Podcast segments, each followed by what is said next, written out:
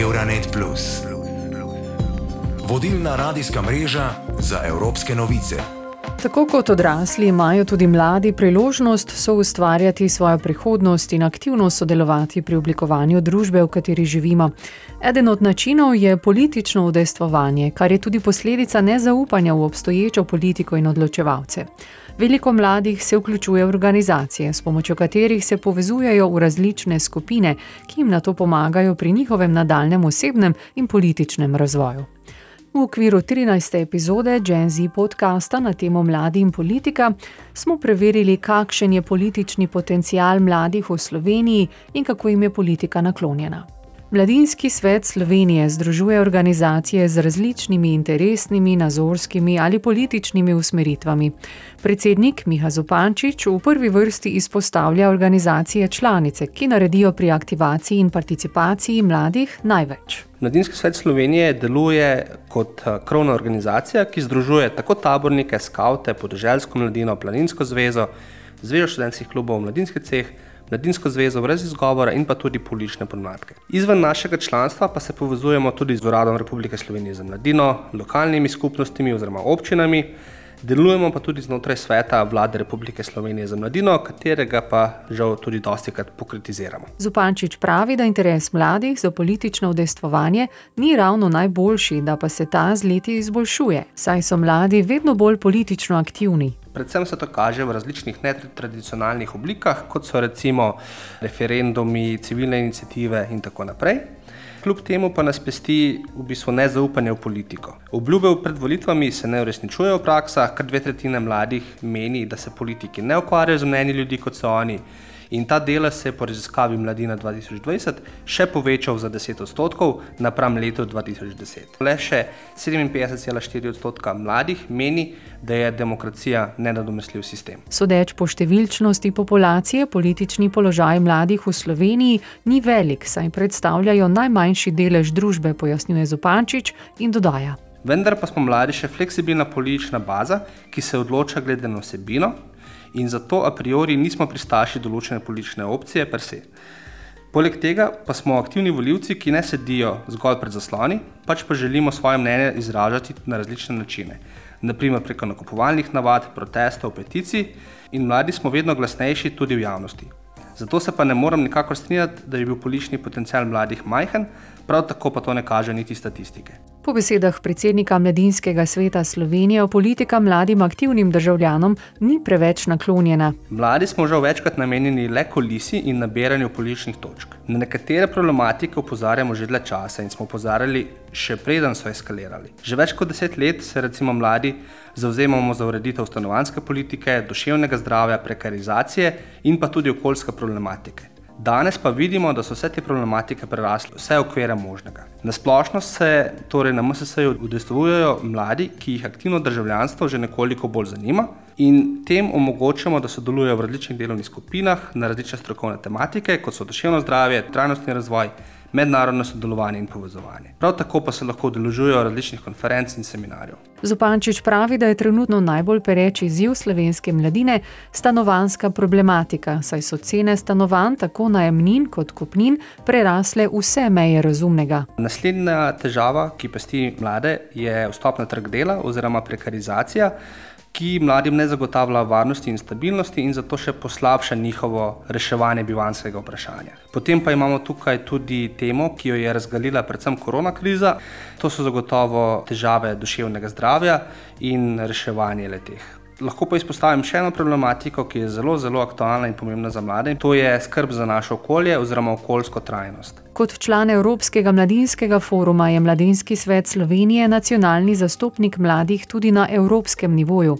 Tako sodeluje v delovnih skupinah in pri pripravi mnenjskih dokumentov na različnih področjih, kot so naprimer pripravništva, okoljska trajnost, prostovoljstvo.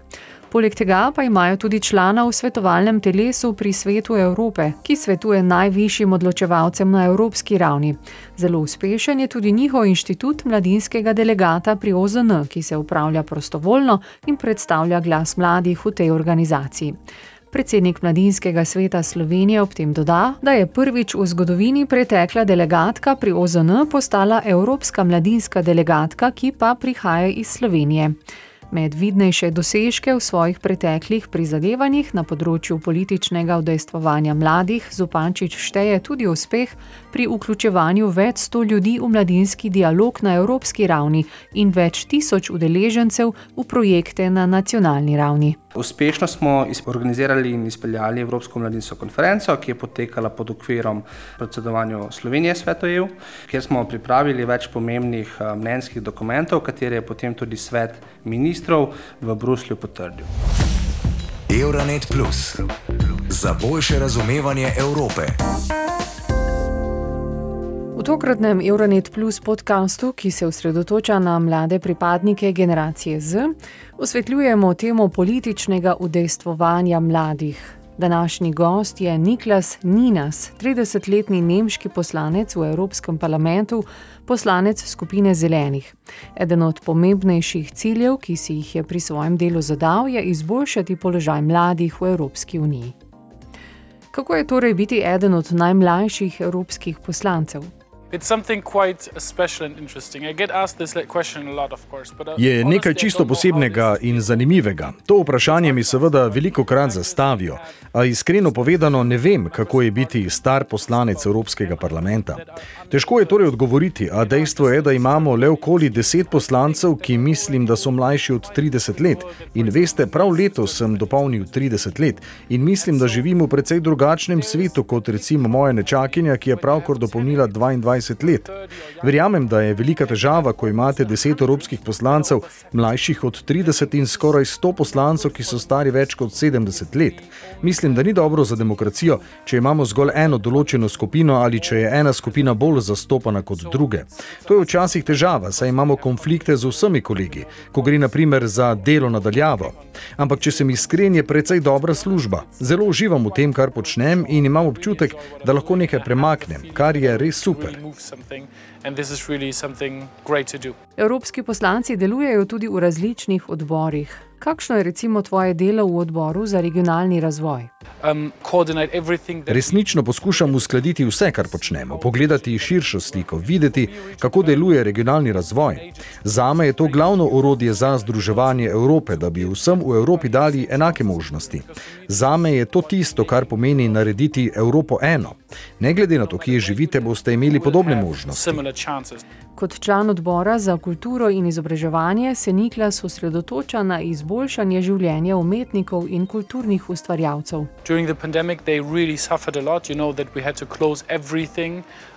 V času pandemije so res zelo trpeli. Kot veste, smo morali zapreti vse od glasbenih prizorišč, gledališč do kinematografov.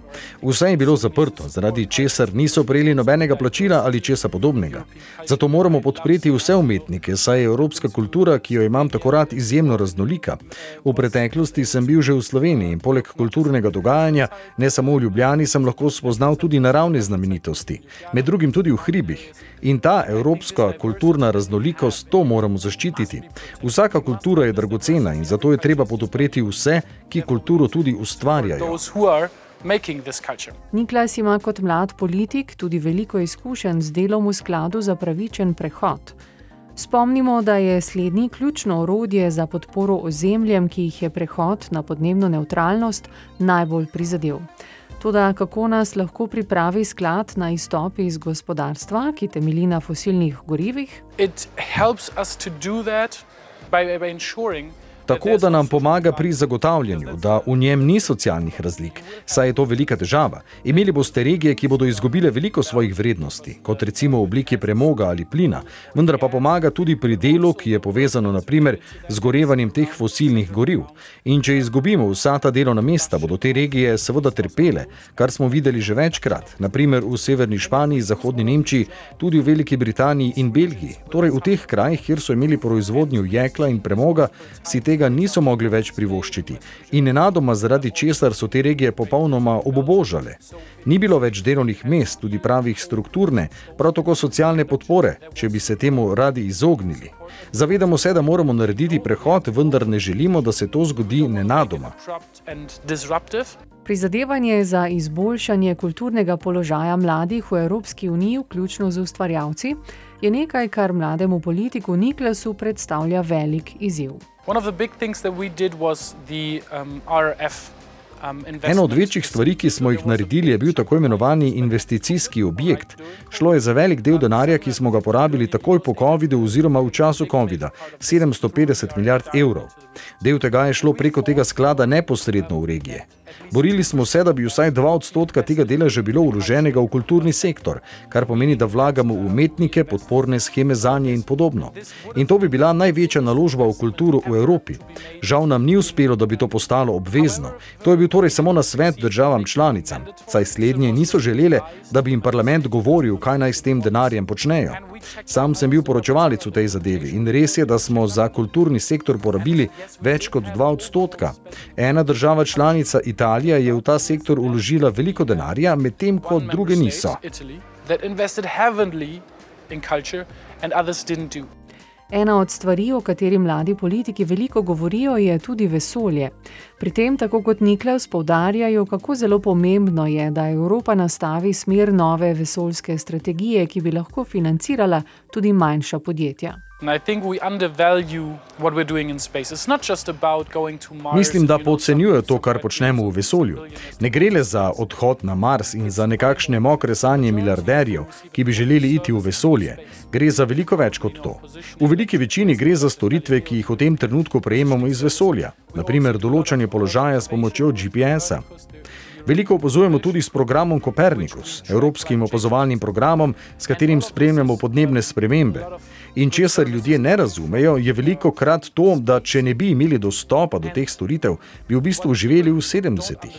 In težava je v tem, da obstaja velika verjetnost, da te infrastrukture v prihodnosti ne bomo mogli več uporabljati. Razlog za to so vesoljski odpadki. Imamo veliko smeti, ki letijo po vesolju, a ker se to dogaja zelo hitro, so te zelo eksplozivne. Po eni strani moramo zmanjšati količino smeti, po drugi strani pa potrebujemo več satelitev, zato pa je potrebno poskrbeti za ureditev in zaščito tega področja. Trenutno nismo ravno na čelu skupine, v bistvu vse počnejo ameriška podjetja.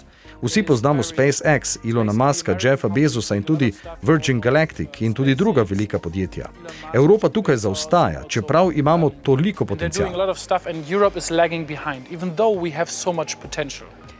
Evropska unija je leto 2022 označila za Evropsko leto mladih.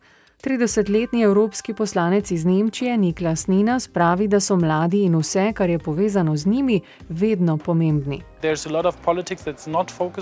Veliko je politik, ki se ne osredotočajo na mlade. Mislim, da je dobro, da imamo to leto, vendar imam glede tega tudi malo mešane občutke.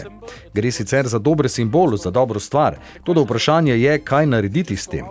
Če zgolj rečete, da je čas, da praznujemo, se to potem res ne splača. Kar bi se splačalo, je to, da se glasovi mladih dejansko slišijo. Podpreti moramo za to, da se mladi ukvarjajo s politiko. Ne gre zgolj za spoznavanje ljudi in rokovanje. Pomembno je, da poskrbimo, da bodo njihove ideje dejansko tudi upoštevane.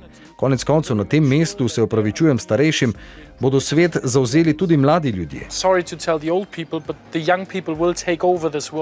V luči negotovosti se veliko mladih v prihodnost ozira s strahom in skrbjo.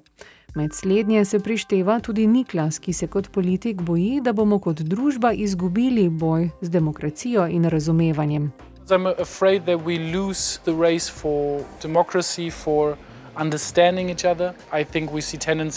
Vidimo tendence v ZDA in v Rusiji, kjer so demokratične države. In še vedno imamo velike blokade z Rusijo, ki smo jim trenutno priča zaradi napada na Ukrajino. Veliko je avtokratov, ki ne želijo, da bi živeli svobodno. In tega se res bojim. Mislim, da je pred mlajšimi generacijami še veliko dela, da ta vprašanja tudi rešimo. Kljub temu pa Niklas ostaja optimist. Upam, da bomo imeli združeno evropsko državo, ki dejansko deluje suvereno in uveljavlja te ideje demokracije in svobode v svetu. Iskreno povedano, mislim, da Združene države Amerike niso pravi akter na mednarodni ravni za reševanje problemov človeštva, ker tega ne počnejo. Prav tako ne želim, da bi bili Kitajska ali Rusija tisti, ki bi poskušali rešiti naše težave, saj se njihovih rešitev bojim. Mislim, da je Evropa tista, ki lahko z glasom razuma svet pelje naprej. In zato mislim, da potrebujemo združeno Evropo. Euronet Plus za boljše razumevanje Evrope.